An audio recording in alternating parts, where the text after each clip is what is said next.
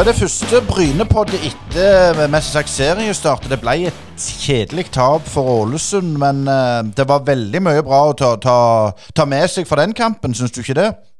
Jo, det er det. Og når vi sender denne sendinga, så har jo Bryne nettopp spilt mot Ranheim. Og, og i, holdt på å si, i, i snakkende stund så vet vi ikke hvordan det gikk, men det får du høre i denne podkasten. Absolutt. Vi tar en prat med, med Even Sehl og ikke minst Åge Aasland, så det har en fortid i Bryne. Spesielt å høre hva han har å si. Mange gjerne ikke så husker han, men uh, en god uh, drøs får vi der, og så tar vi en prat med Redd Skrødem, nå Molde, og har uh, debutert for Molde. og Det skal bli interessant å høre hva, hva disse uh, karene har å fortelle. Så følg med i Brynepodden. Jæren har endelig fått en Toyota-forhandler. Jeg heter Jan Terje Mæland, og sammen med mine kollegaer vil vi ønske dere velkommen til Toyota Sør-Vest sine nye lokaler på Skjøtta ved fv. 44. I butikken har vi nye biler, brukte biler, varebiler, og vi har òg elektriske varebiler. Ta gjerne kontakt med meg, Jan Tarjei Mæland eller Fredrik Mette, så ordner vi en god deal til deg. Velkommen til oss på Toyota Sør-Vest avdeling Bryne. Brynepodden de fortsetter direkte ut fra, fra Bryne stadion etter en uh, feiende flott kamp der Bryne vinner 5-2. og Even Sehl, uh, rett etter kampen, og hvordan uh, er du i skolten nå, mest sagt? Alltid kokt i skolten etter kamp. Men det er godt kokt i dag når vi vinner 5-2. Det er rett og slett imponerende. imponerende. Det er dette vi hadde drømt om å få en sånn start på hjemmebane. Så nå er vi veldig, veldig glade. Det er klart det begynner jo veldig godt å få et tidlig mål, men så får en rett eh, i trynet igjen. Hvordan reagerer dere da på trenerteamet? Hva gjør dere? Nei, det var litt sånn etter både etter 1-0 når vi får 2-1, så kommer du tilbake igjen. Og så får vi 3-2 og da har de en stor sjanse rett etterpå. Så var det mest mål etter mål. Så vi klarte ikke helt å ri av det. Ranheim var et godt lag. De var gode i store perioder i første omgang. Vi sleit litt med å få tak på kampen, men vi skåret tre mål i første omgang, så vi var kjempefornøyde med det. Flotte mål. Og i andre omgang syns vi er mye mer solide defensivt. Da skaper de ikke så mye. Vi ligger lågt med gode avstander. Av og til blir vi gjerne litt for lave.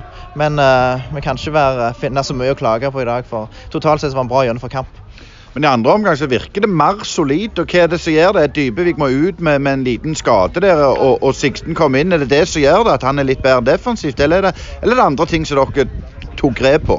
Det hele laget som er mye mer samla, kompakte, defensivt. Og så flytter vi beina litt eh, bedre og litt mer fornuftig enn det vi gjorde i første omgang.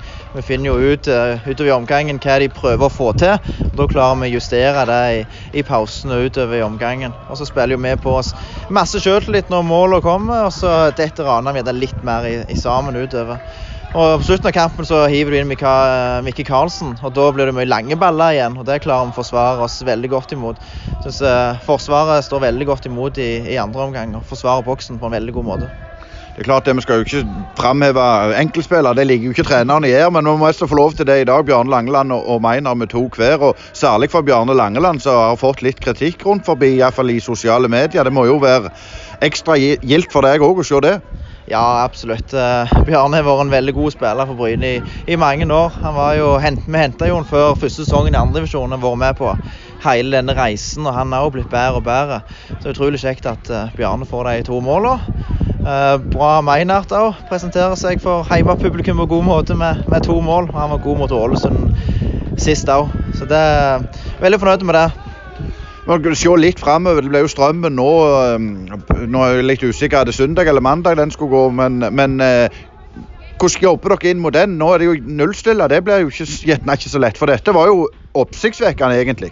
Ja, og sånn ser det Den går på tirsdag, faktisk. Så det er greit at vi får såpass mange dager til å roe oss ned igjen og lade batteriene og få noen gode treninger.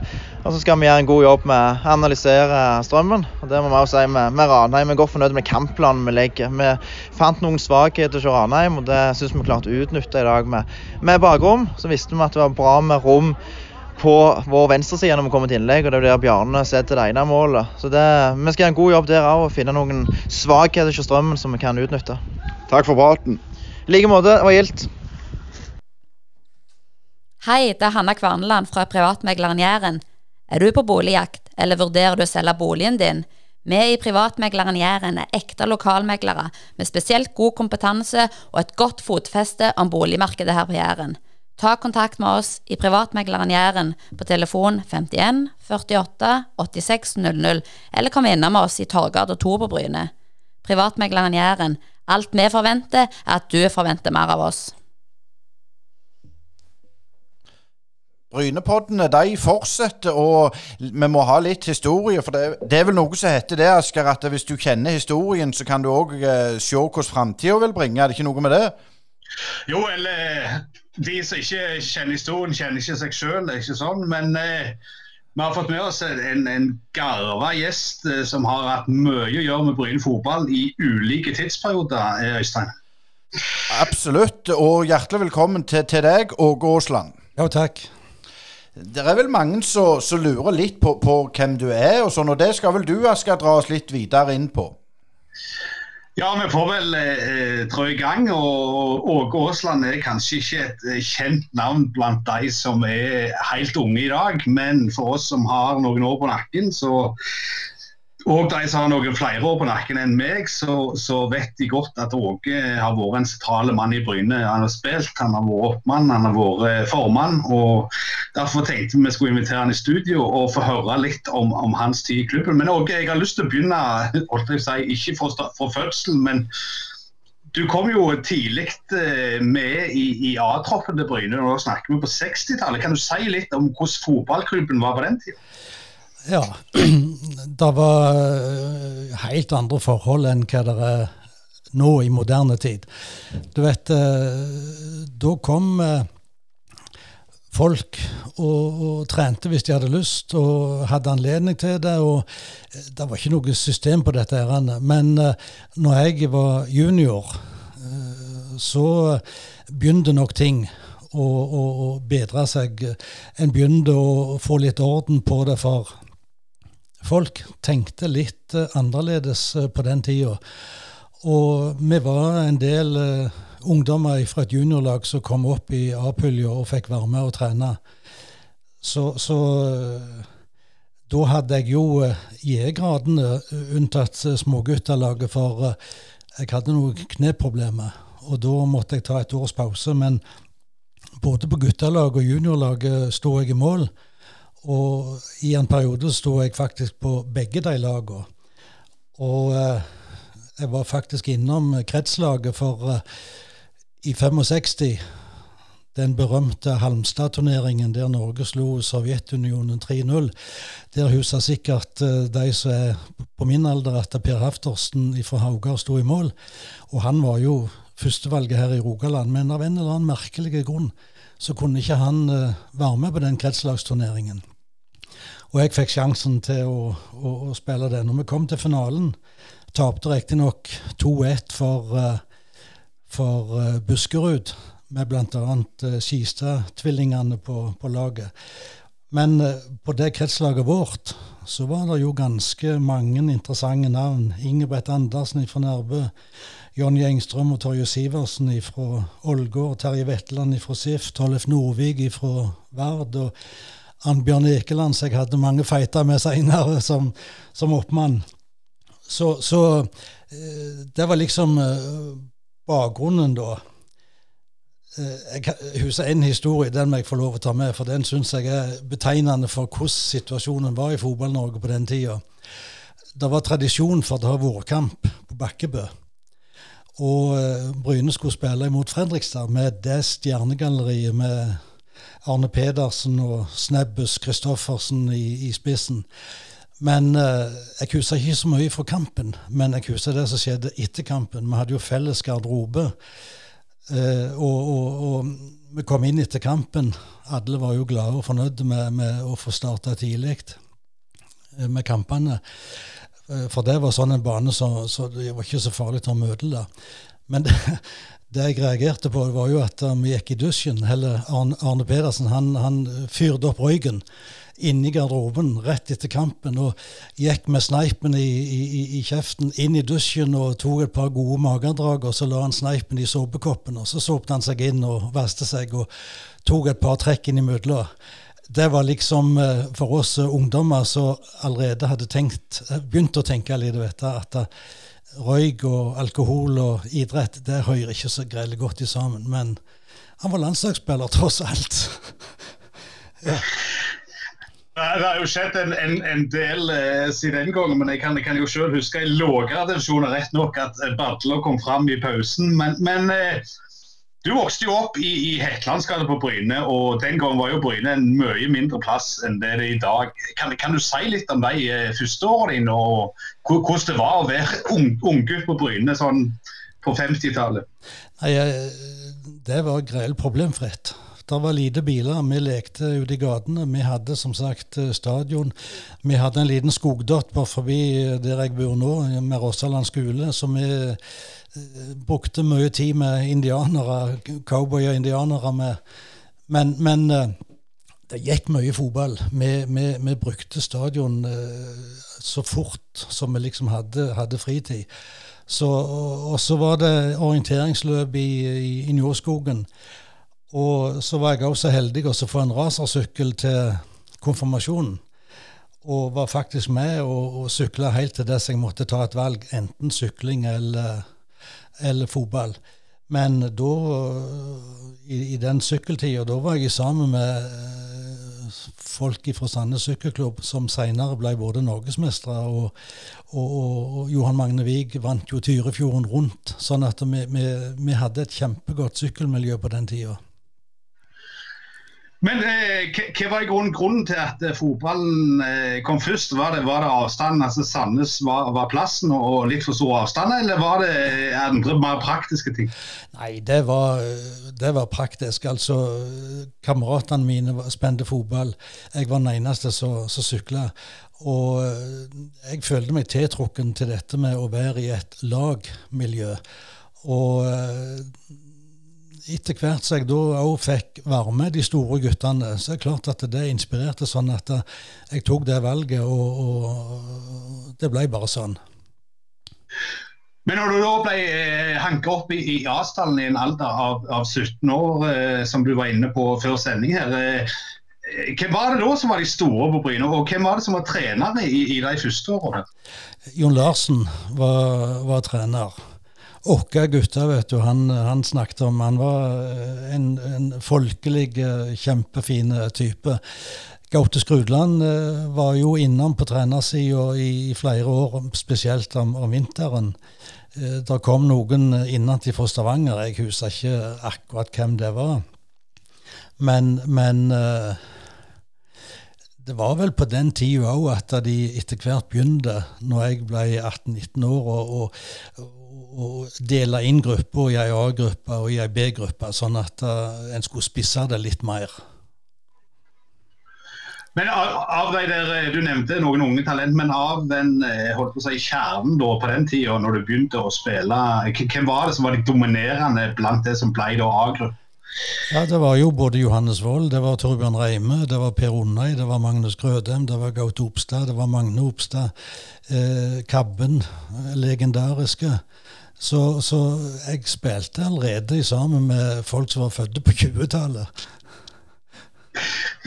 Ja, det, det, er jo, det, er jo, 100 år siden, siden jeg ble født. Men, men altså hva var det tror du som gjorde at Bryne begynte å bite ifra seg? For Hvis du leser litt sånn gamle beretninger om Bryne altså når du var veldig ung og, og, og, og litt etter det, så ser du jo sånn rivalisering mot Ålgård, du ser til og med mot Brusand og sånn. Altså, hva tror du gjorde at Bryne begynte å ta det ekstra steget? Du nevnte det, begynte å skje noen ting. Hva konkret var det? Jeg, jeg var jo eh, jeg var jo med som, som unge. Så var jeg riktignok i militæret, og da spilte jeg en sesong i, i Nord-Norge på et lag som heter Mellombygd. Vi ble faktisk kretsmestere der oppe i tredjedivisjon. Men når jeg eh, kom hjem og begynte i arbeid, så øh, Og spesielt etter jeg hadde vært student i noen år og kom tilbake igjen til Time trygdekontor, der det var et, et idrettsmiljø, så var nok en del av oss som følte at eh, hvis vi skal ta et steg til, så må vi gjøre et eller annet med denne kulturen. Treningskulturen. Eh, festkulturen. Jeg vet Reidar var litt inne på det, men jeg syntes han var litt beskjeden han, han tok ikke så hardt i. Men det er klart at det, det var mye alkohol etter kampene inne i bildet på den tida. Og det var både blant styremedlemmer og ansvarlige, og det var blant spillergrupper. Så for å gjøre en lang, lang historie litt kortere, så var vi noen få som la hoven i bløyd i begynnelsen på, på 70-tallet og fant ut at uh, nå må vi gjøre noe. Vi må, vi må få orden på dette. her, Og vi gikk ganske drastisk til verks og begynte å uh, komme med motforeslag til kandidater på årsmøtene for å få inn de rette folka i, i styret. og og det er klart at det var uh, strevsomt. Og eh, gamle venner ble plutselig litt uvenner fordi at vi hadde ulike oppfatninger av denne, denne, disse verdiene som vi skulle legge, legge vekt på. Så vi sa litt sånn spøkefullt nå gjør vi noe skikkelig, og så skal vi rykke opp i løpet av fem år. Og Sett utenat så ville mange kritisert eh, for det vi gjorde, men vi gjorde det jo med hjertet for klubben. Og når vi kom til 75, så rykte vi opp. Og det var ett år før vi hadde planlagt. Så, så det, var, det, var, opprivende situasjoner. Det var eh, mye kritikk rundt omkring dette, men resultatene etter hvert de talte for seg. Og fortjenesten med å rykke opp i førstedivisjonen og så bli værende der i så mange år, det, det føler jeg var eh, noe sånn sett i ettertid gildt og godt å ha vært med på, om det koster mye. Jeg så vel, eller opplevde jo det der, eh, ikke, ikke akkurat Bryne, men sånn generelt i, i, i noe mindre stasjonsbygder sånn som Gandal, at du hadde jo det der klare, markante skillet. Altså, du hadde de som gikk på idrettslaget som drakk, og, og de som gikk på bedehuset som ikke drakk, eh, som vel var ganske vanlig utover Jæren òg eh, på den tida. Men akkurat det der vedtaket der, eller måten dere angrep dette på, var det basert på noe mer enn bare at dere tenkte det ikke var greit å drikke og spille fotball, eller var det noe sånn vitenskapelig som lå i bunnen for dette? Nei, jeg vil ikke være så høytidelig og si at det var noe vitenskapelig. Vi var, vi var 100% amatører. Men jeg tror vi utfylte en annen denne gjengen som jobba med dette. Sånn at, uh, at uh, vi, hadde, vi, hadde, strategimøte både på dagtid og på kveldstid og av og til på sene nattestimer. For til, til, å få dette til. Og det er klart, når det stunda imot årsmøtet og vi skulle uh, måtte foreslå folk som jeg visste hadde uh, rak rygg og kunne være med på, på, denne tenkningen. Noen involverte meg i prosessen, og, og noen tok vi bare sjansen på at de hadde de rette. Men uh, vi gjorde jo jobba sjøl hele tida. Jeg uh, dreiv jo og, og, og, var jo i ungdomsavdelingen og, og tok litt uh, lag så jeg trente. Og det er klart at vi investerte kolossalt mye i de som kom i etterslekta. Vi var bl.a. Uh, i Tyskland på VM i 74 med to lag og spilte kamper der. Og, og seinere så dreiv vi jo og, og Norway Cup hadde begynt, men uh, å spisse juniorlaget og reise til Norway Cup og spille to ganger 15 minutter og vinne på, på hjørnekast, det var ikke de store sportslige utfordringene. Så vi reiste heller til, til Tyskland og Danmark og Holland med juniorlaget og spilte imot, uh, imot skikkelig gode, gode lag, bl.a. nede i Augsburg. I en turnering der da spilte vi imot det tyrkiske juniorlandslaget vi spilte imot Kiev, så hadde halve Sovjetunionen sitt, eh, sitt, lag der. Og vi gjorde det kjempegodt. Og, og, akkurat eh, sånn en type tenkning kan ikke si noen ting var vitenskapelig, men det var skikkelig gjennomtenkt og en strategisk tenkning på at eh, hvordan skal vi klare å levere én og to eh, juniorspillere opp hvert eneste år til, til et lag eh, som vil vokse og inn i himmelen? Men tilbake til det du sa der, var det vanlig å gjøre det i Norge når dere gjorde det? Der var det nok ikke. Det var jo flere Dania Cup og det var cup, Gjøta Cup i Sverige, men det hadde litt av det samme konseptet som Norway Cup.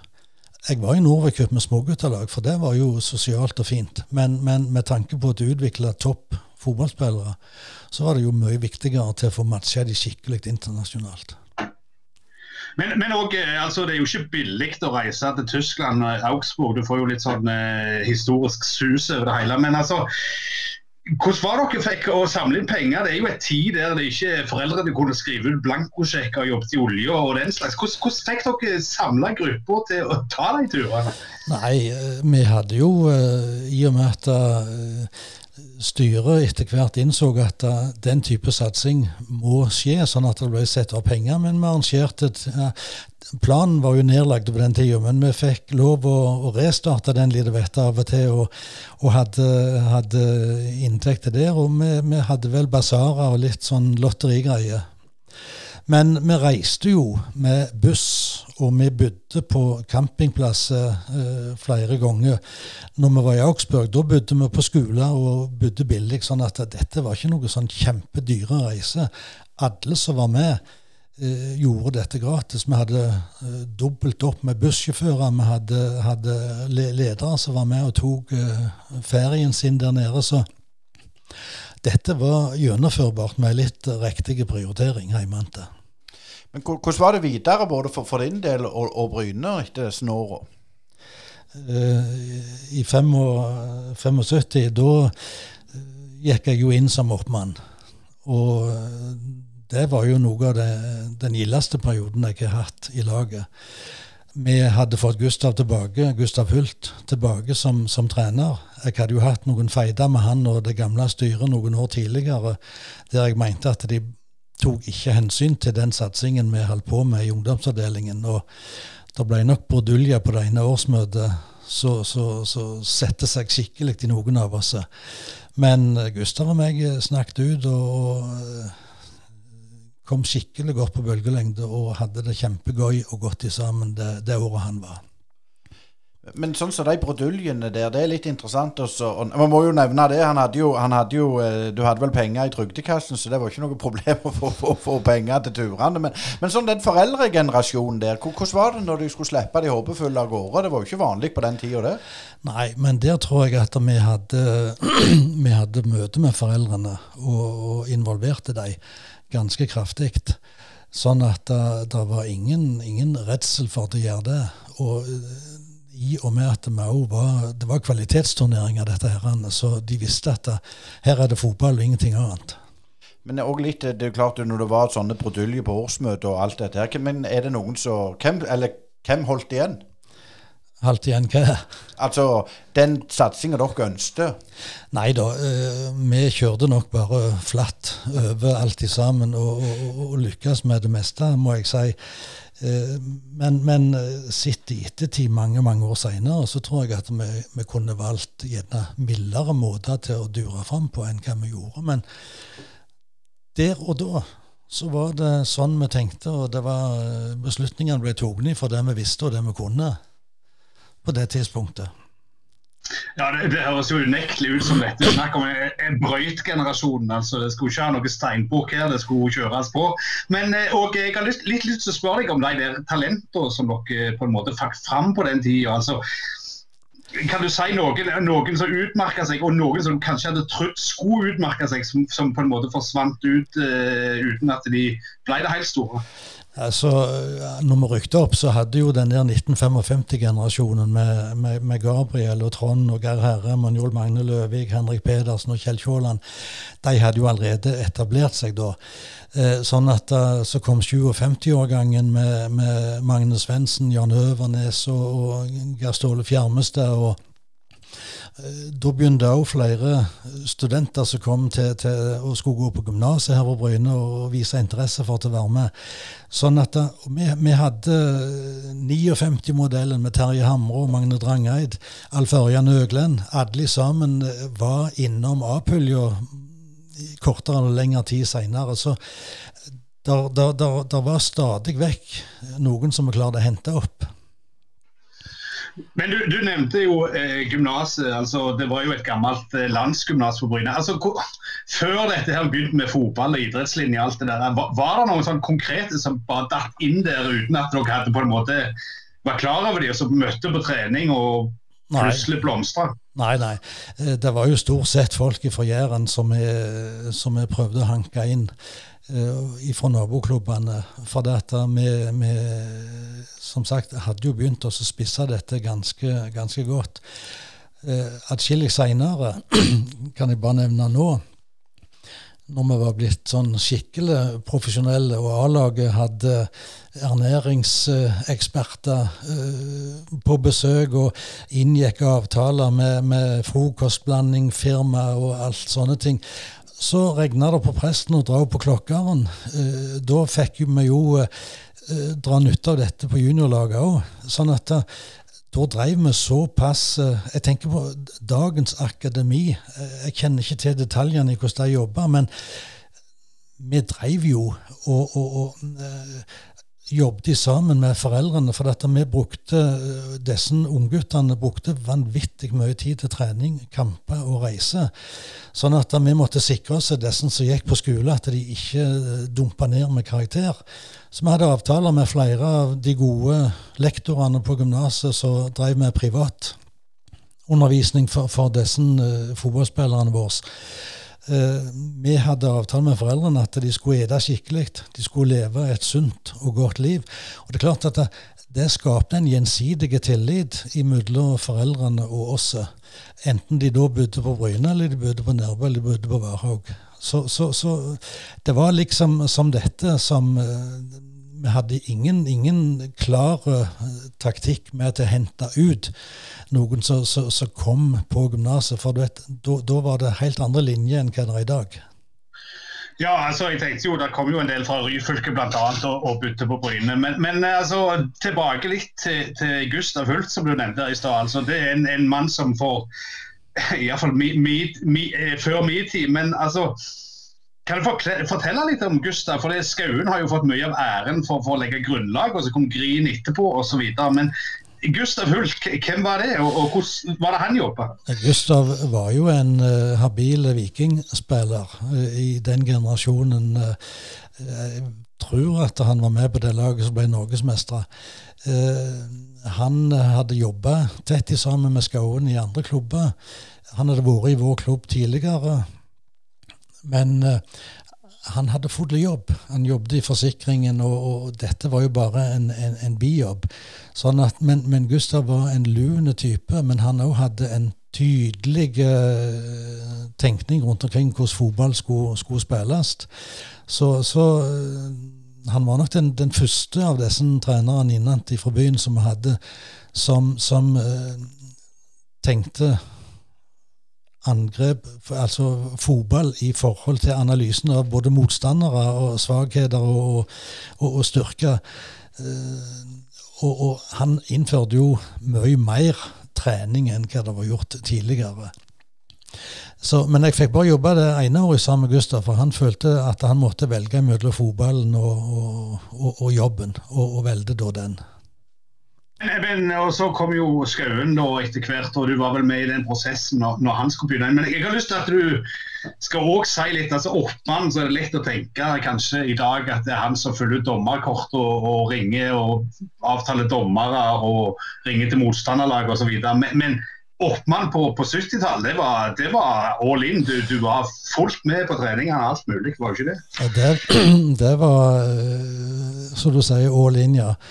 Eh, er, jeg vet ikke hva oppmennene gjør i dag, eh, for det er en helt annen organisering. Men, men eh, spesielt når jeg jobbet sammen med, med Skauen, så var det å være både sportslige leder, var involvert i, i, i, rekruttering, i innkjøp, var med på alle treningene. Jeg var jo med som hjelpetrener, for det stilte Skauen som betingelse for at han skulle, skulle trene oss. At jeg skulle være med som, som hjelpetrener. Så, så, jeg var i treningstøy fem dager i uka og brukte vel en 35 timer i uka på fotballen på den tida. Hadde du jobb utenom i denne perioden? Ja da.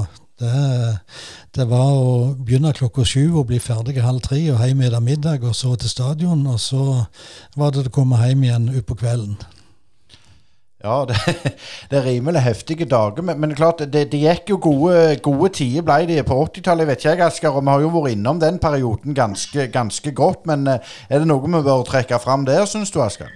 Ja, først må jeg jo spørre om, om det var Gustav som fikk jo opp, opp, oppgave å tjore fast den bakre fireren så de skulle holde linja. Sånn. Var det du som måtte binde tauet rundt? Nei, det var ikke Gustav. Det var, det var Kjell. Og det var, det var, etter vi hadde vært på studietur i Sverige og opplevd Bob Houghton og, og, og Roy Hodgson i henholdsvis Malmö FF og, og Halmstad. Eh, det var liksom eh, mange vitser er jo drogne ut av det, men, men, det var utrolig effektivt. Men, men jeg, kunne hatt lyst til å fortelle litt historie om når vi hanka inn skauen. For det at uh, når det ble kjent at, at Gustav skulle, uh, skulle, slutte av, så så vi jo at, at Skauen han uh, kom på kampene våre og så sto borti en sving der og, og lurte. Og jeg fikk uh, fullmakter til å ta kontakt med han og, og spørre om han var interessert. Og det kunne vi gjøre, for dette, da hadde han vært gjennom noen uh, rimelig opprivende år eller inn i Viking. Sikkert fordi at han krevde såpass mye. Jeg fikk god kontakt med Kjell. Og, og, og, vi ble enige om at han skulle, skulle, ta det med de betingelsene som jeg sa at jeg skulle være med som, som trener. Men uh, på den tida hadde vi ikke Spillerne hadde ikke lønninger. De, eh, de Men vi lovte de hvis vi overlever, så skal vi ta en tur til Kanariøyene. Med kone og alt i sammen. Og vi overlevde som kjent med at Jan Fugleseth klarte å skåre seks mål i, i Drammen imot Strømsgodset, samtidig som vi tapte på, på, på Åråsen for, for Lillestrøm. Men uh, den turen til Kanariøyene den var jo litt uh, spesiell. Det kunne blitt et uh, Manchester United og München om igjen. For det at uh, når vi skulle reise hjem, så hadde vi sett oss vel til rette i dette flyet som tok ca. 180 nei, passasjerer. Men akkurat idet vi skulle ta av, så smalt det, og det rista. Og disse uh, maskene datt ned, og flyvertinnene de skvatt opp ble urolige, og flyet rista, rista, rista bremste ned. og vi forsto jo ingenting. Vi fikk beskjed om å reise oss med en gang flyet hadde stoppet, og komme oss ut. Lukta bensin gjorde det. Brannbilene kom hylende bortover og, og, og, og uh, sto klar, men det er ingenting som tok fyr. Men flyet hadde da fått et hjul ut forbi løpebanen, og det viste seg at det var punktert. Så heldigvis at de klarte å stoppe det før det skjedde noe mer enn det. Men eh, det var en liten uh, sånn både tragisk, men koselig historie. Ei av konene til en av spillerne hun hadde sånn en vanvittig flyskrekk. Og uh, vi hadde jo med både leger og fysioterapeuter på den turen, selvfølgelig. Og legen hadde foreskrevet nervemedisiner på flyet ned. og legen hadde foreskrevet nerve, nervemedisiner på veien hjem. Men eh, det var bare det at eh, når dette uhellet skjedde, så måtte vi vente en hel dag før det kom et reservefly. Og da virka ikke disse nervetablettene lenger. Så hva gjorde vi da? Vi fikk jo ikke tak i det på, på flyplassen, så det endte opp med at vi måtte bare gi henne noen stive konjakker. Og det måtte jo vedlikeholde litt på flyet hjemover. Så når svigerforeldrene kom og skulle ta imot henne på Sola flyplass, godt, godt i farten, så, så, ble det litt, litt merkelig. Men òg på den turen Vi hadde ikke skrevet kontrakt med Kjell. Og det kom utallige telefoner hjemme til de andre styremedlemmer om at nei, nå er han på vei tilbake til, til Viking. Og jeg måtte bare si vi må roe dere ned. Nei, vi har angst. Vi har angst. Vi mister dette. Nei da, jeg var nokså sikker på Kjell. og det, Vi kom hjem, og vi fikk eh, skrevet kontrakten. Og, og da så vi jo det første av det som vi visste kom til å skje. Han trekker til seg eh, spillere, og Kjell var greielig tydelig på at jeg skal, vil ha Rune Ottesen. Og vi tok kontakt, og vi fikk Rune, og så fikk vi Arne med i kjølvannet. Arne ble jo mer verdifull etter hvert, men, men, det var faktisk Rune han ville ha som førstevalget. Så, så det var jo noe som vi, vi, visste og hadde kalkulert med, at får vi Kjell som trener, så vil vi òg kunne få noen av de dyktigste spillerne. Og det var jo i en periode vi hadde fem spillere i A-landslagstroppa. Øystein? Ja, du vil ikke ha et til, du? Jo, jeg skal ha et til. Jo, jeg kan jo spørre litt eh, eh, og at eh, jeg ble, ble, kjent litt med Alf Ørjan Øklem, som du nevnte her i, i seinere Og, Og, og, han var jo en av de talentene som, som kom tidlig opp, og som òg slutta av frivillig eh, veldig tidlig. Eh, som kanskje var en litt sånn outsider i forhold til det standard fotballmiljøet. Altså, hva tror du var grunnen til at han ga seg? Har du noen forklaring på det? Følte, følte, du at han Var det noe med miljøet som gjorde at det er talent som han slutta?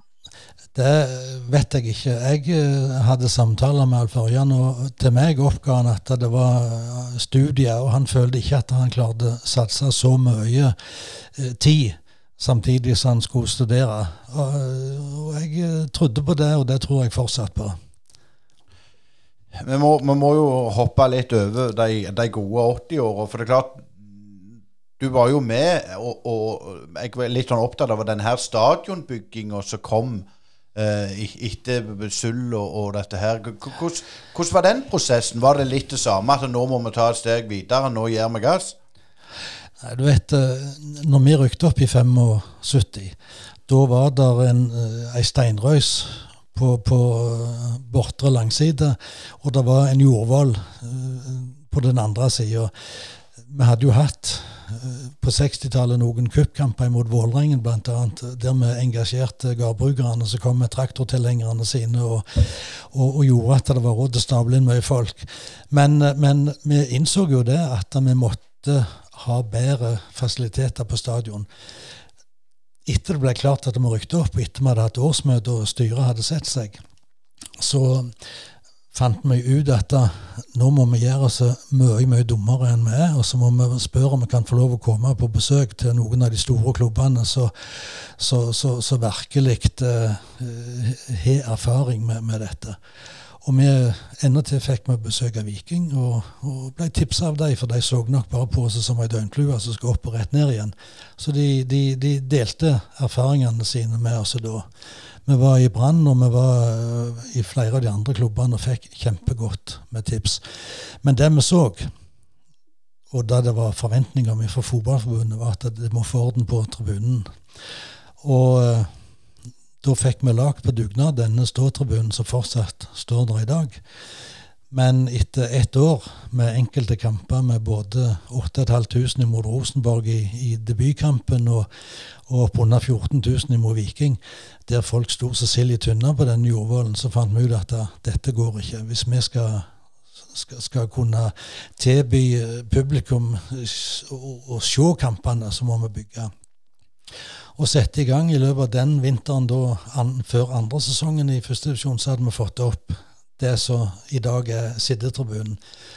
Denne VIP-tribunen den kom jo mye mye seinere i Rune Hauges tid. Men, men, eh, da ble det en, brugbart, uh, en brukbar uh, tribunkapasitet. Men bare skyte inn det du sier. Alt, det hører, du, når du sier det, så høres det greit lett ut. Men det er klart, det var jo et vanvittig løft for en liten klubb. og var det dugnad alt, eller fikk dere sponsorer hjelp økonomisk? Nei, det var dugnad. Vi måtte selvfølgelig betale betongen sjøl. Men, men, eh, jeg kan ikke akkurat huske selve finansieringen, men litt lån måtte vi gjerne ta opp. Men dugnadsånda på Jæren, eh, den var intakte på den tida, det kan jeg forsikre deg om. Der var folk hele Bryne var med og så, forskalte på ståtribunen, og, og hele Bryne var med når vi skulle skru av setene fast på den nye sittetribunen. Det, var- det var helt utrolig. Men også, altså, den lever jo i beste velstand i, i Hå. altså Nærbø og Varhaug har nevnt to. Vigrest har jo òg eh, kippet opp anlegget litt i, i det senere år. Men hvorfor tror du at Bryne mista noe av det der dugnadsgreiene som var da i den tida? Har det blitt for stort at det, avstanden mellom folket og de i klubben har blitt for stor? Eh, Det tror jeg nok på en eller annen måte. For uh, på den tida, som jeg sa tidligere, det var ingen spillerlønninger. Det var jo fullstendig amatøridrett vi drev på med. Etter at det kom penger inn i bildet, så har jo dette blitt en helt annen måte å drive et idrettslag på det nivået på, med mangfoldige personer ansatt i administrasjon, trenere som, som er på en helt annet nivå enn hva, hva det var i gamle dager. Så jeg tror nok at det, er lettere å ha fortsatt intakt dugnadsånd i disse, små klubbene enn de store. Men jeg har jo forstand at det er fortsatt denne pensjonistklubben eh, driver jo ganske mye med godt dugnadsarbeid. Så hun er ikke helt vekke på Bryne heller. Men nå må jeg bare skyte inn litt. Det er klart, det, Dette var jo sittetribunen. sant? Så så kom jo, du sier, Vippen der med Rune Hauge i spissen. Var du med da? Nei. Da var jeg eh, enten på Ålgård eller var jeg i, i ungdomsavdelingen og trente juniorlag. For jeg tok jo en egen trenerutdanning som endte opp med et D-trenerkurs eh, seinere, som gjorde at, at eh, jeg var ikke involvert i den VIP-tribunen. Det var Kjell Olaf og Rune og den gjengen der. Men Var det en grunn til da at du gikk til Ålgård? Var dere enige om veien videre, eller? Nei, nei, det hadde ingenting med det å gjøre. Jeg, når jeg hoppet av eh, etter tre år som oppmann, så var det fordi at da ville jeg utvikle meg som trener. Så du hadde, ja, ok, så du hadde en, en drøm om å rett og slett bli trener? I, ja, I en periode så, så hadde jeg det. Asgeir? Ja, altså Du eh, ble jo trener i Ålgård, og Ålgård var jo en, en, en kraft og, som en regna med i, i Rogalandsfotballen. Altså, hvordan var det overgangen fra Bryne til Ålgård? Altså, de er jo lokalpatrioter. Eh, var jo en gammel rival med Bryne og var vel i det som er nivå tre i dag. Eh, stemmer ikke det? Ja da. Eh, Jeg tror nok vi kan si det sånn at eh, de fleste på Ålgård var mer vikingpatrioter enn Bryne. Men uh, Kåre Lima, som var mister, uh, mister Ålgård, han var en klok mann, og han så jo det at uh, Bryne hadde suksess. Og jeg tror han tenkte så enkelt og greit at la meg prøve om vi kan få noen overføringer fra det som de har lykkes med på Bryne, til Ålgård. Og klart at jeg ble jo anklaget for å være en miniskauen som trener. Eh, Og det legger jeg ikke skjul på at Kjell betydde enormt mye for måten jeg tenkte på. Og jeg dro med meg mye av det til Ålgård. Første året så gikk det ikke så godt, for eh, du klarer ikke å snu opp ned på verken en kultur eller en, en, en, en måte å forholde seg til fotball på på ett år. Så andre året gikk det bedre, men, men jeg følte det blir med de to åra. For eh, da var det igjen dette med valget mellom jobb og bruke mye tid på trening. Og da, da, da ble valget på, på, på jobben. Ja, du sier jobb. Eh, Du har jo vært i mangfoldige år i trygdevesenet. og eh, Hvordan kom det i stand? Nei, når jeg kom hjem fra militæret, så søkte jeg på tre jobber. En av de var IH trygdekontor. Fikk den, men etter fire måneder så kom Reidar og sa at vi har en ledig stilling her på Bryne, du skal søke på den. Og Det gjorde jeg og fikk den, og så var jeg der i noen år. Eh, Da måtte, jeg gifte meg, og, og, og etter en stund så så jeg at eh, når både Reidar og Petter Magner Time og Torbjørn Reime var før meg på den rangstien, så var det ikke noe særlig stor karriereutvikling der. Så enten måtte jeg bare hoppe over på noe annet, eller så måtte jeg gjøre noe, noe nytt. Og da valgte jeg å søke på Sosialhøgskolen. Og kom inn der og studerte i, i tre år. Kom tilbake igjen etter den tid og, og fikk på nytt en, en spesiell jobb i Time trygdekontor der jeg ble værende noen år før jeg havna i Stavanger. Uh, sånn at uh, jeg var jo i dette miljøet rundt omkring de idrettsinteresserte folka der i, i alle år opp gjennom tidene. Men etter, etter Ålgård, hva, hva ble det da? Da ble det litt trening på Bryne. Og så hadde jeg spesielle småjobber som å redigere programmet. Og i Bryneluren var jeg innom og, og var redaktør en stund. Men, men eh, fram til dess, i 88, så, så, så hadde jeg bare mindre strøjobber. Men, men 88 eh, så jeg her i, i noen gamle. altså Bryne vinner cupfinalen i 87. Eh, går ganske høyt på banen med at nå skal Bryne ta steget ut i Europa. og Blant annet så jeg i noen gamle aviser at dere hadde eh, studert litt både Brøndby og IFK Gøteborg. Eh, kan du fortelle litt om den prosessen? Uh, nei, jeg, var, jeg hadde som sagt ligget ganske lågt i terrenget i disse her årene, opp imot 87. Uh, når jeg fikk spørsmål fra valgkomiteen om jeg ville stille som formann, så tenkte jeg meg ganske grundig om, for at jeg hadde i grunnen ikke tid til det. Men i og med at de var blitt så profesjonelle i norske målestokk, med både en administrasjon og, og, og fast ansatte som gjorde de fleste jobbene, så fant jeg ut at øh, ja, med, med, med de gode minnene jeg hadde fra den forrige perioden, så, så, så sa jeg ja. Men, øh, men, det ble jo et tungt og vanskelig år, som du var inne på. Men klart, nå, nå, Du hadde jo opplevd suksess, og så kommer du inn i, i 88, og så, og så bærer du og skogen, hadde jeg mest sagt. Men når du ser det etterpå hva, Det er jo selvfølgelig mange faktorer som gjør at det, det går galne veien, men, men, er det noen sånne enkle ting som du ser at det, det skulle vi gjort annerledes? Ja, det er klart at uh, hvis du kunne fått gjort en del ting om igjen, så hadde vi nok gjort det. Men det er da jeg ser uh, dagens situasjon i samfunnet vårt med denne pandemien.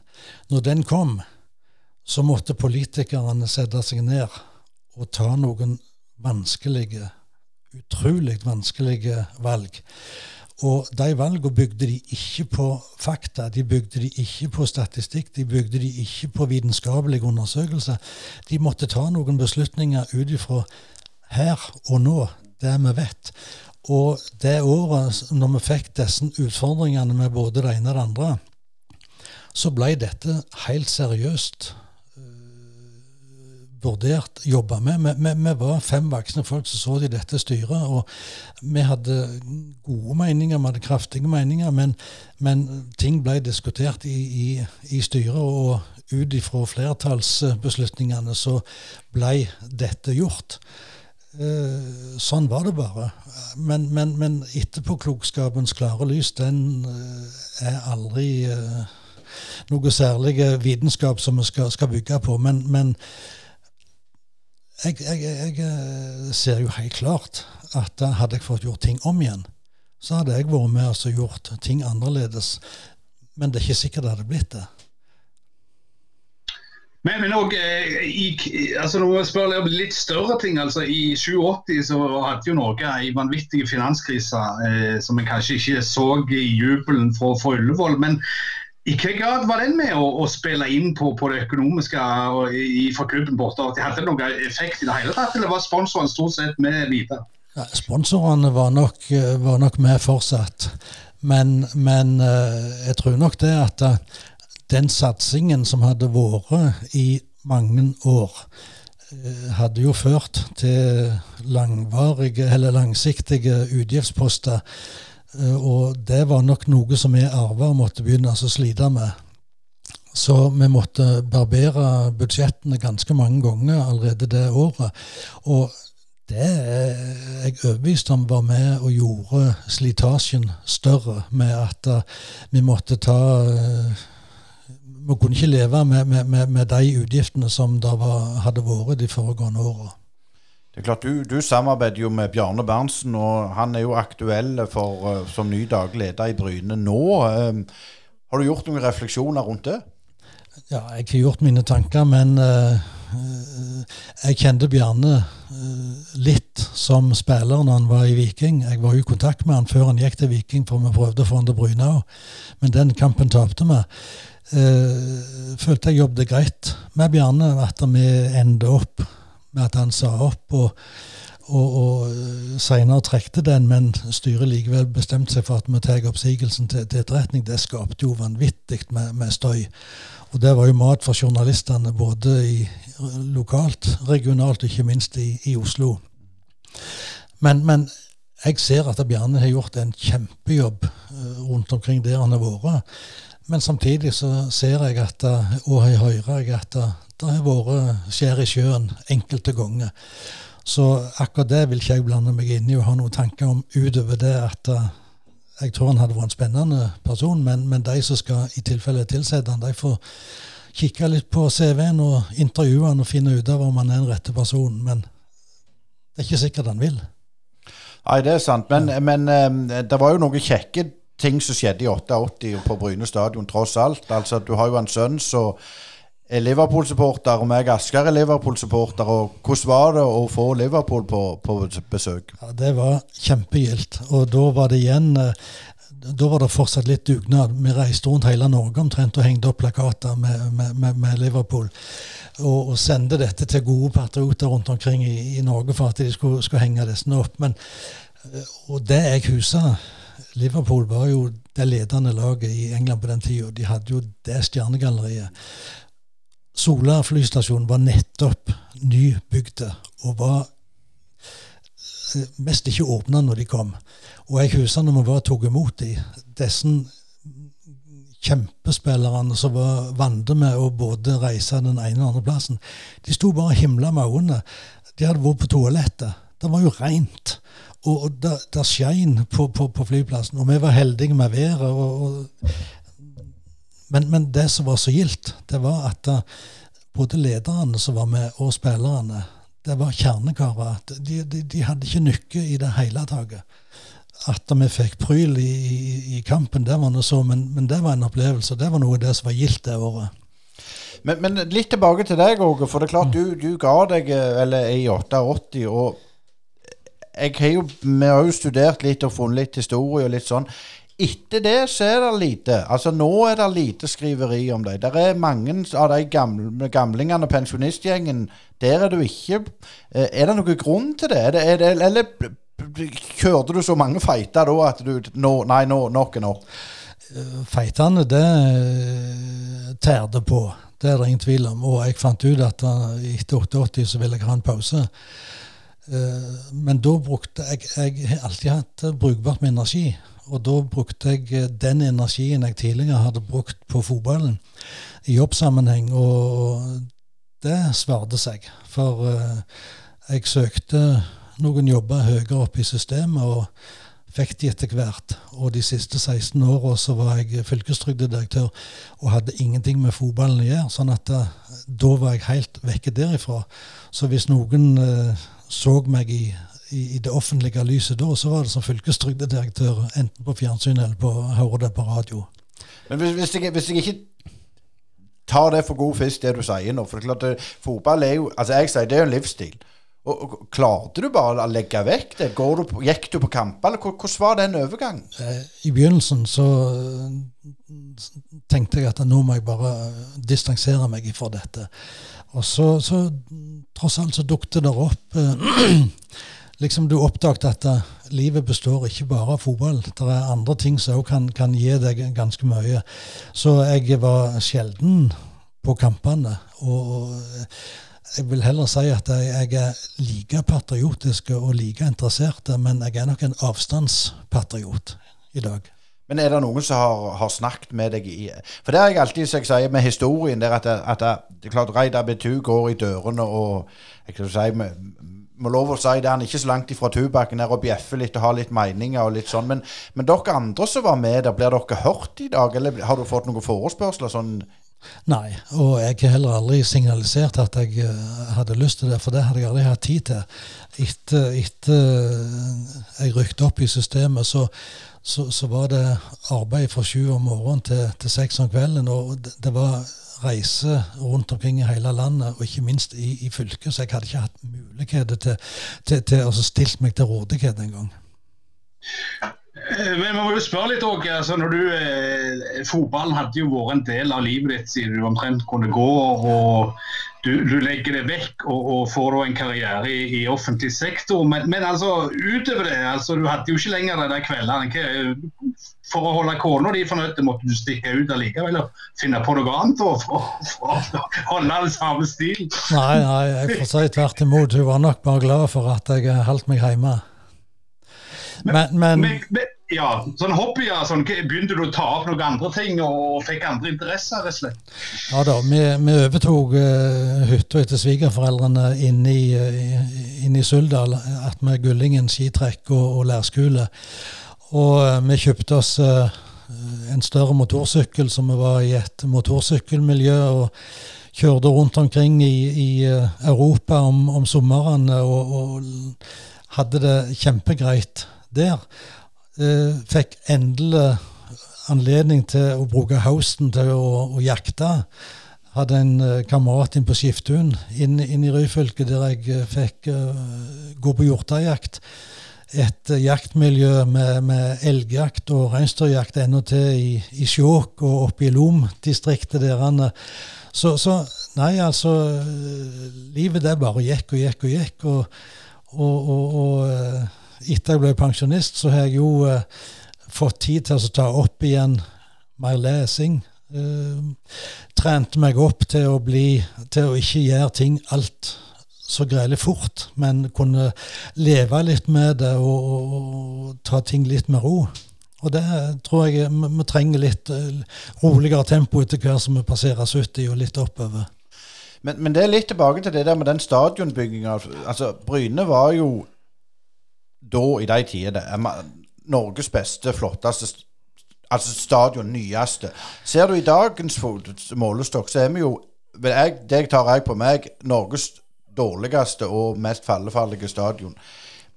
Hvorfor får de ikke det til i dag? Nei, En har vel hatt litt for mye gjeld. Litt uh, vært bonden uh, sånn at en ikke har hatt uh, frihet til å kunne gjøre alt. Men uh, går jo forbi uh, veien ut forbi stadion der det er flotte tegninger av et, av et bygg der en, med, med, med, leiligheter i som skal kombineres med en tribune.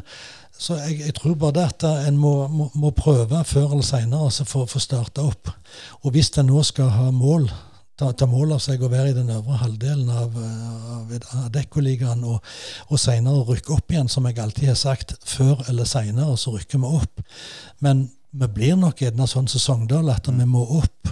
Og, og eh, så, har vi ikke de ressursene som de har i, i byen, som de har i, i, Trondheim, som de har i Bergen, som de har i Oslo.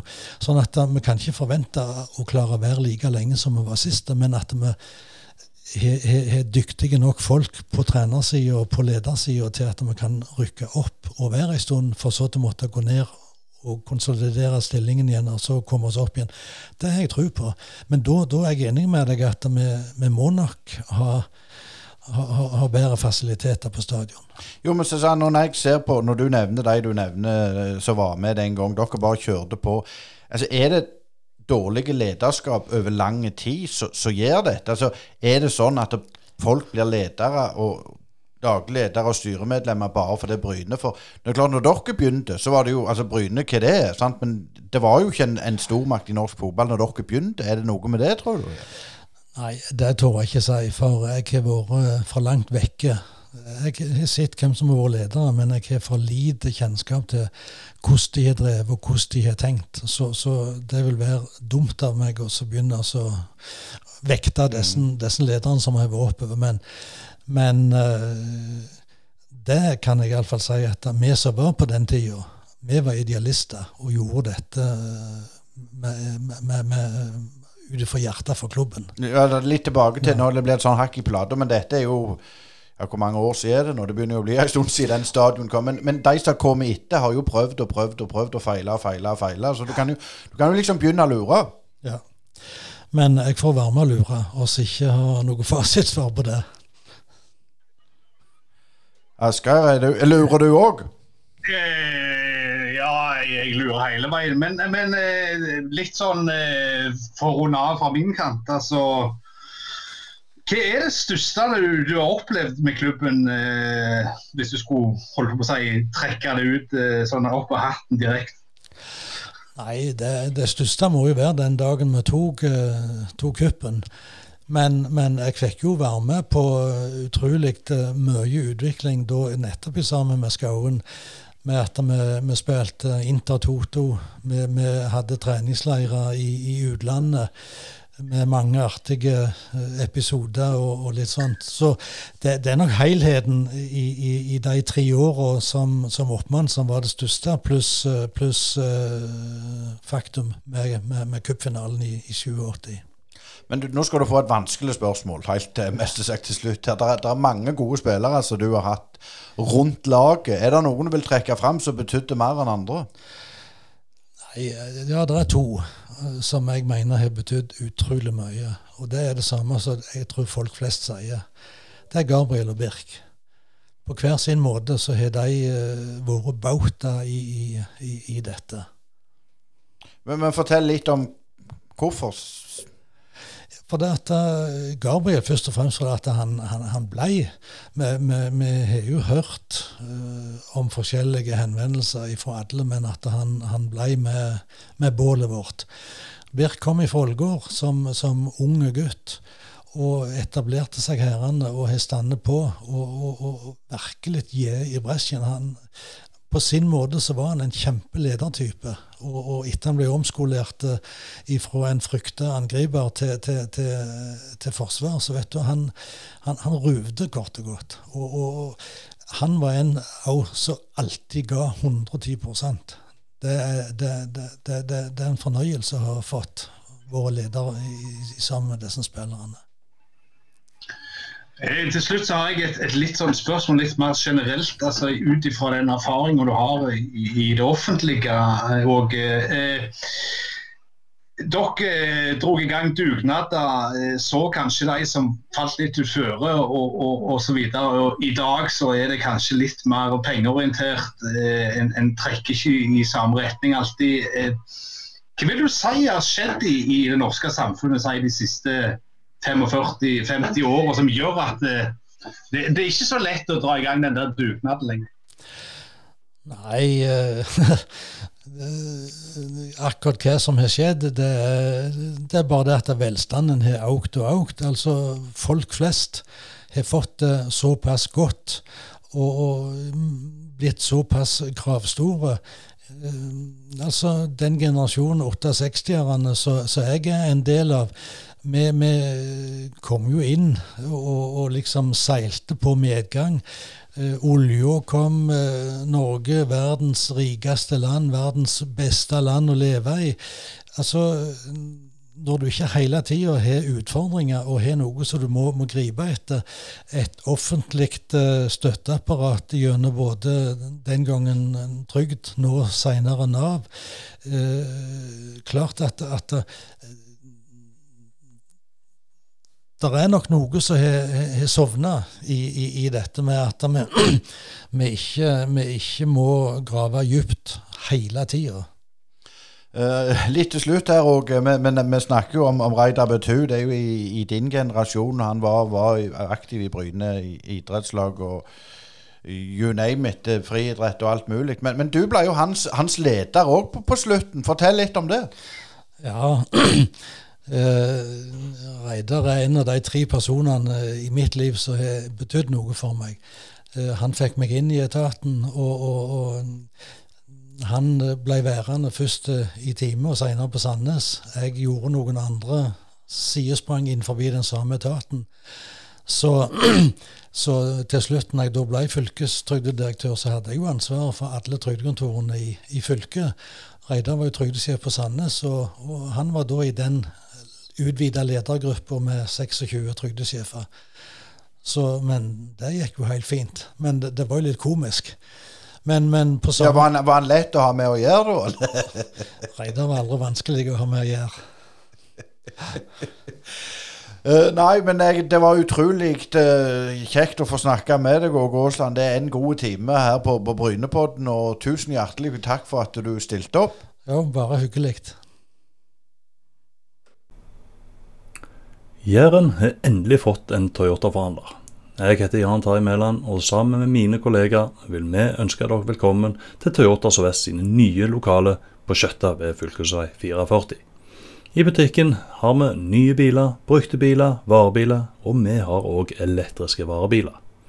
Ta gjerne kontakt med meg, Jan Terje Mæland eller Fredrik Mette, så ordner vi en god deal til deg. Velkommen til oss på Toyota Sør-Vest avdeling Bryne. Ja, vi går videre i Brynepodden, og nå har vi hatt eh, litt historie med, med Åge Aasland. Og da må vi litt til dagens fotball og opp til Molde. Og hjertelig velkommen. eh, Vi kaller deg bare Reds Grødem. Eh, Velkommen til Brynepodden, Reds. Jo, takk for det. Kjekt å bli invitert. Ja, du har jo debutert jo mot, mot Brann, og, og gratulerer med det nå mot Melde. Og, men som jeg sa at alle slår jo, slår jo Brann om dagen. Men hvordan var det for, for, for en unge kar fra, fra Bryne å debutere på, mot Molde? Eh, ja, for Molde, ja. Ja, for Molde, Eh, selvfølgelig. Nei, det var nei, Det er jo selvfølgelig stort. Eh, Jeg hadde ikke sett det for meg for eh, bare ei og en halv uke siden. Eh, Så sånn sett så var det eh, Så var det jækla kult, altså. Det var det. Men eh, du må jo si litt om altså Vi hadde jo din tidligere trener her i studio forleden, og da var du jo omtrent eh, på vei til flyplassen. Men eh, litt om, om hvordan kom dette i stand, og, og hva tenkte du når du hørte at Molde ville ha deg?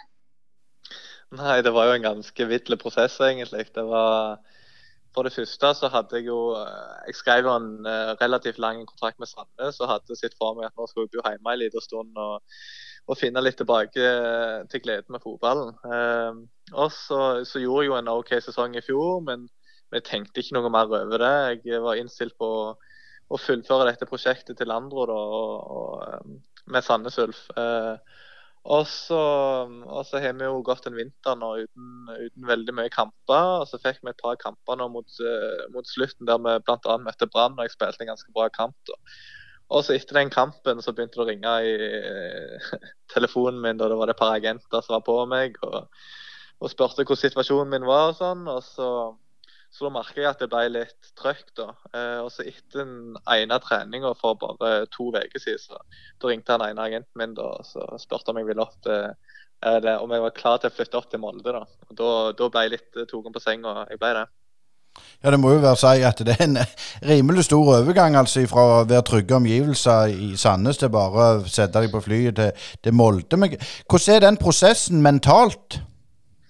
Nei, det er jo det, Du klarer egentlig ikke å forberede deg så mye. Det, i hvert fall når du ikke sant, Jeg forventa jo, jo ikke det hele. Eh, og hadde sagt til, til dama mi hjemme på, på Bryne at eh, jeg kom til å være i Sandnes en liten stund. Så det var ikke Hun måtte ikke tenke at jeg skulle flytte på meg nå. Eh, og så plutselig så så ringte jeg til henne. Altså, da, var jeg, da, eh, da sa jeg til henne at nå flytter jeg mest sannsynlig til Molde om noen dager. da, da tror jeg det kom som et lite sjokk for henne òg. Så det er liksom Ting skjer så fort, så du må egentlig bare hoppe i det og så bare ikke tenke så mye. Og så bare ta ting litt til det kommer, og så ja, se hvor du havner hen. Du sier ting skjer fort, og du var jo et, et, et talent eh, på Bryne. Og plutselig eh, forsvant du eh, til Vålerengen, som, som er jo ikke den, den helt vanlige Bryne-ruta. Altså, det har jo blitt sånn Bryne-Molde-ruta og har jo vært litt eh, vanligere de siste årene. Men kan du si litt om, om hvordan overgangen til Oslo var? Altså, du var eh, forstår vi, knapt fullt 18 og, og skulle flytte til, til storbyen fra, fra trygge omgivelser på Bryne. altså var, var det rett og slett litt for, for, for store kulturforskjeller som gjorde at eh, VIF ble litt eh, kinkig?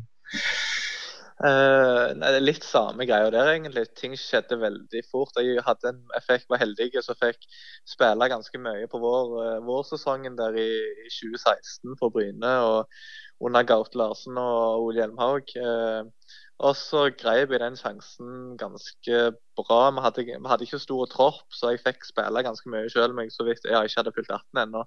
Uh, og, så, og så da fikk jeg også en telefon fra agenten at Vålerenga var interessert. og så Da var det liksom to dager senere, så plutselig var jeg i Oslo. Uh, men der var liksom sant, når jeg kom opp som 18-åring, så var det ikke noe sånn Jeg skulle ikke inn og spille, og, og det var liksom å, å ta de stegene som skulle til for å, for å bli fast da, i Vålerenga. Og så det var jo Ronny Deila da som henta meg. Uh, jeg tror faktisk jeg var den første signeringa hans, om jeg ikke tar helt feil. Um, så det var liksom, da var planen å spille seg inn på fast, eller som fast spiller der om et par år. da, Også, Men så, så, ble det med en del innhopp, noen kamper fra start, men jeg fikk aldri den faste plassen som jeg ville. Um, og da kom det jo et tilbud fra Danmark da, som, som jeg følte at uh, nå var det på tide å, å, å uh, flytte på meg og, og, gå en plass der jeg følte at jeg kom til å spille fast og ta et steg ned for å restarte karrieren litt. Da.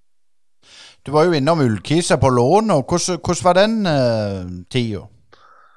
Nei, uh, ja, det var egentlig Som sagt så spilte jeg ikke fast i, i Vålerenga. og Det handler egentlig bare om å få spilletid. Uh, Ullkisa ble brukt som en litt sånn farmersklubb til Vålerenga, der flere av de unge guttene uh, som de satsa litt på, da ble lånt ut til for å få spilletid i Obos-ligaen og ikke andredivisjon, som, som toerlaget da spilte i. og Der fikk jeg jo en del erfaring i på, som uh, førstelagsspiller igjen. Da. og det, det, var selvfølgelig viktig for meg. Ja, så, så kom Veile på banen og, og flytting til Jylland. Det er jo ikke så ulikt Jæren flatt og godt. Eh, men, men, hvordan var det å flytte til Danmark, og hva slags forskjeller merka du mellom norsk og dansk fotball? Nei, det var egentlig et sjokk for meg. Eh, egentlig mest kulturmessig. Du tenker at nå reiser du Danmark, og det er liksom du, du, jeg tenkte egentlig ikke på at dette kom til å være noen forskjell, men uh, problemet var egentlig at vi hadde østeuropeiske trenere som, som ikke kunne snakke verken engelsk eller dansk eller norsk eller noe som helst. så der foregikk alt på, på spansk, og uh, det var umulig å få kommunisert med trenerne. Og de var egentlig ikke åpne for noen kommunikasjon heller. Det var, det var egentlig ganske sjukt opplegg. Uh, og når du i tillegg ikke fikk noen sjanse Jeg hadde, selv forventninger om å gå ned der og så gå rett inn og spille. Jeg følte det var et nivå ned, noe som det var òg. Um, ehm, og da ikke få egentlig Jeg fikk egentlig aldri én sjanse til å spille, få spilt meg inn på laget. Så det var ganske sånn Det var ganske tungt, ja, det året jeg fikk der. Um, så, um, så, da mista jeg egentlig ganske mye, mye av motivasjonen jeg hadde til fotballen. Og det handler egentlig bare om å om å finne den tilbake igjen. Men sånn, Hva lærte du, og hvor langt nede var du fotballmessig og mentalt? Uh, nei, Da var jeg langt nede. altså. Det er nok den tyngste perioden jeg har hatt i livet mitt så langt. Uh, det var å flytte vekk fra alle jeg kjente, og, og uh, forventninger om å få spille masse fotball. og Så ble det liksom ingenting. så da var jeg ganske, ganske langt nede, ja. Det var, det var en tung periode. Men så lærte jeg jo mye sånn sett av det òg. Eh, og eh, selv om det ikke ble så mye fotballspilling på meg, så, så følte jeg at jeg tok steg som, som menneske. Da, og det, det syns jeg har vært viktig. Så altså nå, nå, nå, vet jeg litt hva jeg kommer til. hadde jeg ikke hatt den der danmarksturen, så, så kunne det kanskje vært litt vanskeligere å ta flytte opp til Molde. Eh, så kom jo Sandnes Ulf på banen og, og, og tilbød vel et, et slags, en slags redningsbøye for å få deg tilbake. Men var det noen sånn periode du tenkte at eh, nå eh, holder på å si, går jeg tilbake til Bryne eller sine på noe annet? Bryne var jo andredivisjon da, men, men altså var det noe sånn at ja, nå begynner jeg på skole igjen og, og, og, og spiller bare for å ha det gildt sånn halvveis på fritida? Var, var, det en periode ja, du tenkte de tankene? Ja, mot, mot slutt når korona slo inn og, og, jeg satt alene i Danmark der uten noen muligheter til å gjøre noe som helst, så da vurderte jeg sterkt å, å eh, bare uh, stikke tilbake til Bryne. Ja. Uh, jeg var jo jeg hadde faktisk mange samtaler med, med Even om akkurat det. Og jeg var veldig klar egentlig for å komme hjem og, og spille for Bryne. Men så, som sagt så var det i andredivisjon og, og sånn, så det var liksom Det var jo ikke optimalt eh, fotballmessig for meg, men, eh, men, jeg var bare så klar til å komme hjem og, og, og spille fotball for Bryne at eh, jeg tenkte egentlig ikke så mye på det. Men sant, så var det, satt jeg der i Danmark med en lang kontrakt. og så De krevde sine penger for meg, så da, selv om Bryne var i dialog med, med Veile, så, så, gikk ikke det gjennom. Uh, og Det var da Sandnes kom på banen. Der, de var litt sterkere økonomisk og, og klarte å kjøpe meg ut av kontrakten. der.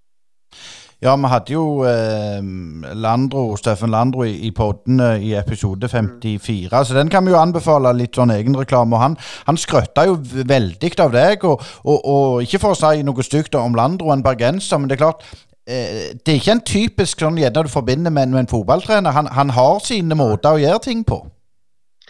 Ja, han er veldig, han er veldig annerledes enn en mange andre. og men uh, så er han en veldig smart type, og, og du merker at uh, alle tingene han gjør og detaljene han uh, fokus på, det, det, er skikkelig gjennomtenkt. og Du får en forklaring på alt. Så, så, så for min del så, så, passer det egentlig perfekt med Landro. Han er en herlig type. Meg og han vi, vi, vi, passte, vi passte godt i lag, så, så det, var, det var bra.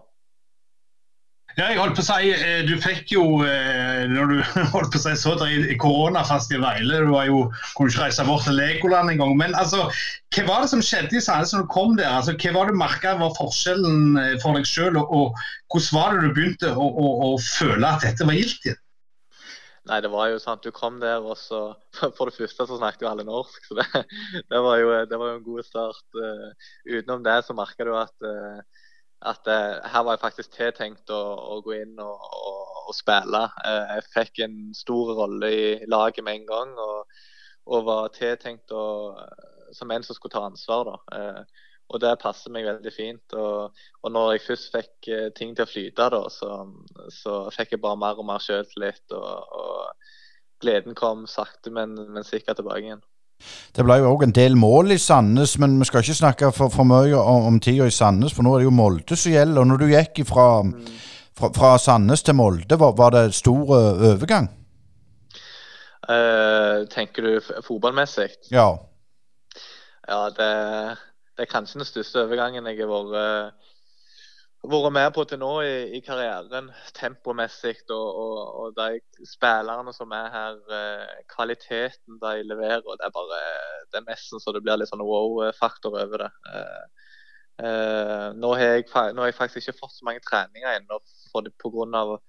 Eh, det har vi har tre kamper på ei uke, og, og, jeg har vært gjennom en del fysiske testinger mens de andre har, har hatt treninger og, og sånn. så så det har liksom ikke satt seg helt ennå. Men nå, nå får jeg skikkelige nå som starter i morgen. og så satser jeg på at jeg kommer litt eh, mer inn i ting. Eh, men, eh, men det har vært en stor overgang fotballmessig. Det, det, det er ikke smågutter jeg spiller med her.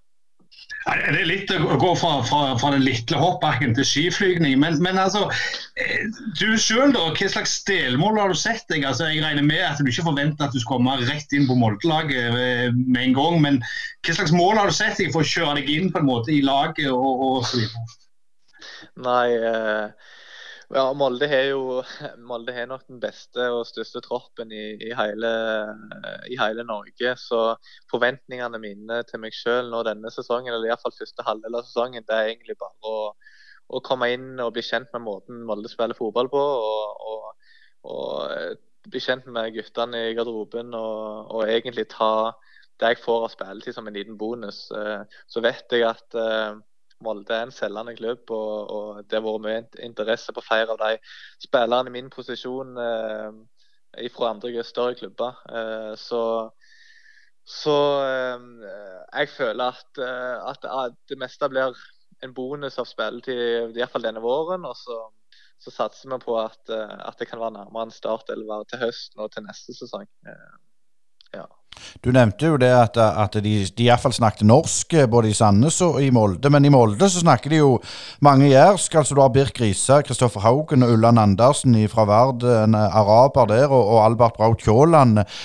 Det er jo halve Rogaland så er det. Hvor, hvor, mye betyr det å ha litt sånn lokale rundt deg?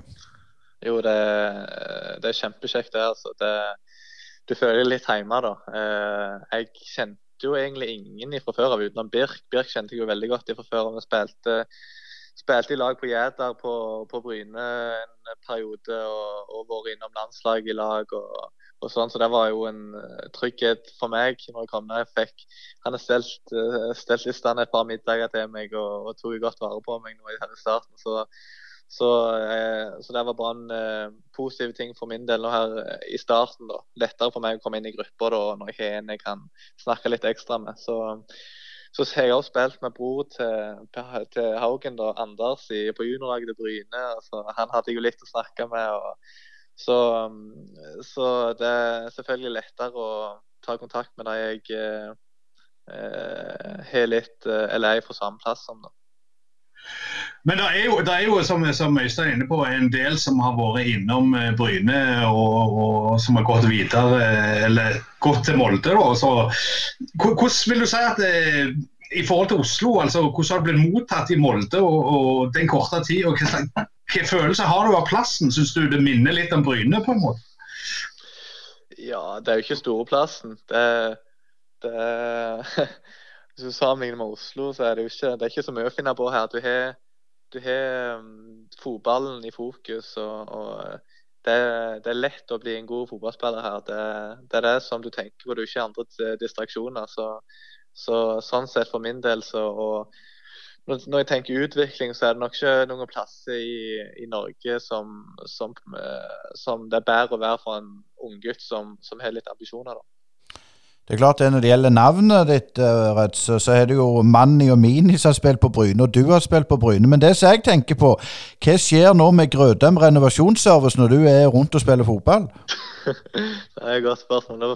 Da tror jeg jeg må ta satse på broren min. Han, han, er godt i gang der. så jeg tror jeg tror nok det skal gå godt, det, selv om jeg ikke er hjemme til å, til å være med og hjelpe. Nei, men Det er bra, Redsjussen. Du får ha lykke til, og tusen takk for at du stilte opp i, i Brynepodden. Jo, takk for det. Hei, det er Hanna Kvarneland fra privatmegleren Jæren. Er du på boligjakt, eller vurderer du å selge boligen din? Vi i Privatmegleren Jæren er ekte lokalmeglere med spesielt god kompetanse og et godt fotfeste om boligmarkedet her på Jæren. Ta kontakt med oss i Privatmegleren Jæren på telefon 51 48 86 00, eller kom innom oss i Torgata 2 på Bryne. Privatmegleren Jæren. Alt vi forventer, er at du forventer mer av oss. Da lakker det og lir mot uh, slutt i denne ukas Brynepodden. Vi kommer selvfølgelig tilbake med en ny Bryne på neste torsdag. Og uh, ja, kampen mot Ramheim den er historie, og nå er det nye lodd og nye gevinster. Husk å følge oss på, på Twitter. Instagram, Facebook og YouTube. Og du Asker, du har jo uh, vært eller bor i, i Israel. og Hvordan, har de siste dagene og ukene vært? Er, er du trygg? Ja, jeg eh, sender jo fra bobberommet, så jeg er jo trygg. Men eh, heldigvis eh, så har ikke jeg merka så mye til uroen, for det er en annen kant av landet. Så vi får håpe at det holder seg sånn inntil videre, og at vi kan komme tilbake med en ny Brynepod neste uke. Og forhåpentligvis har ting roa seg i Midtøsten.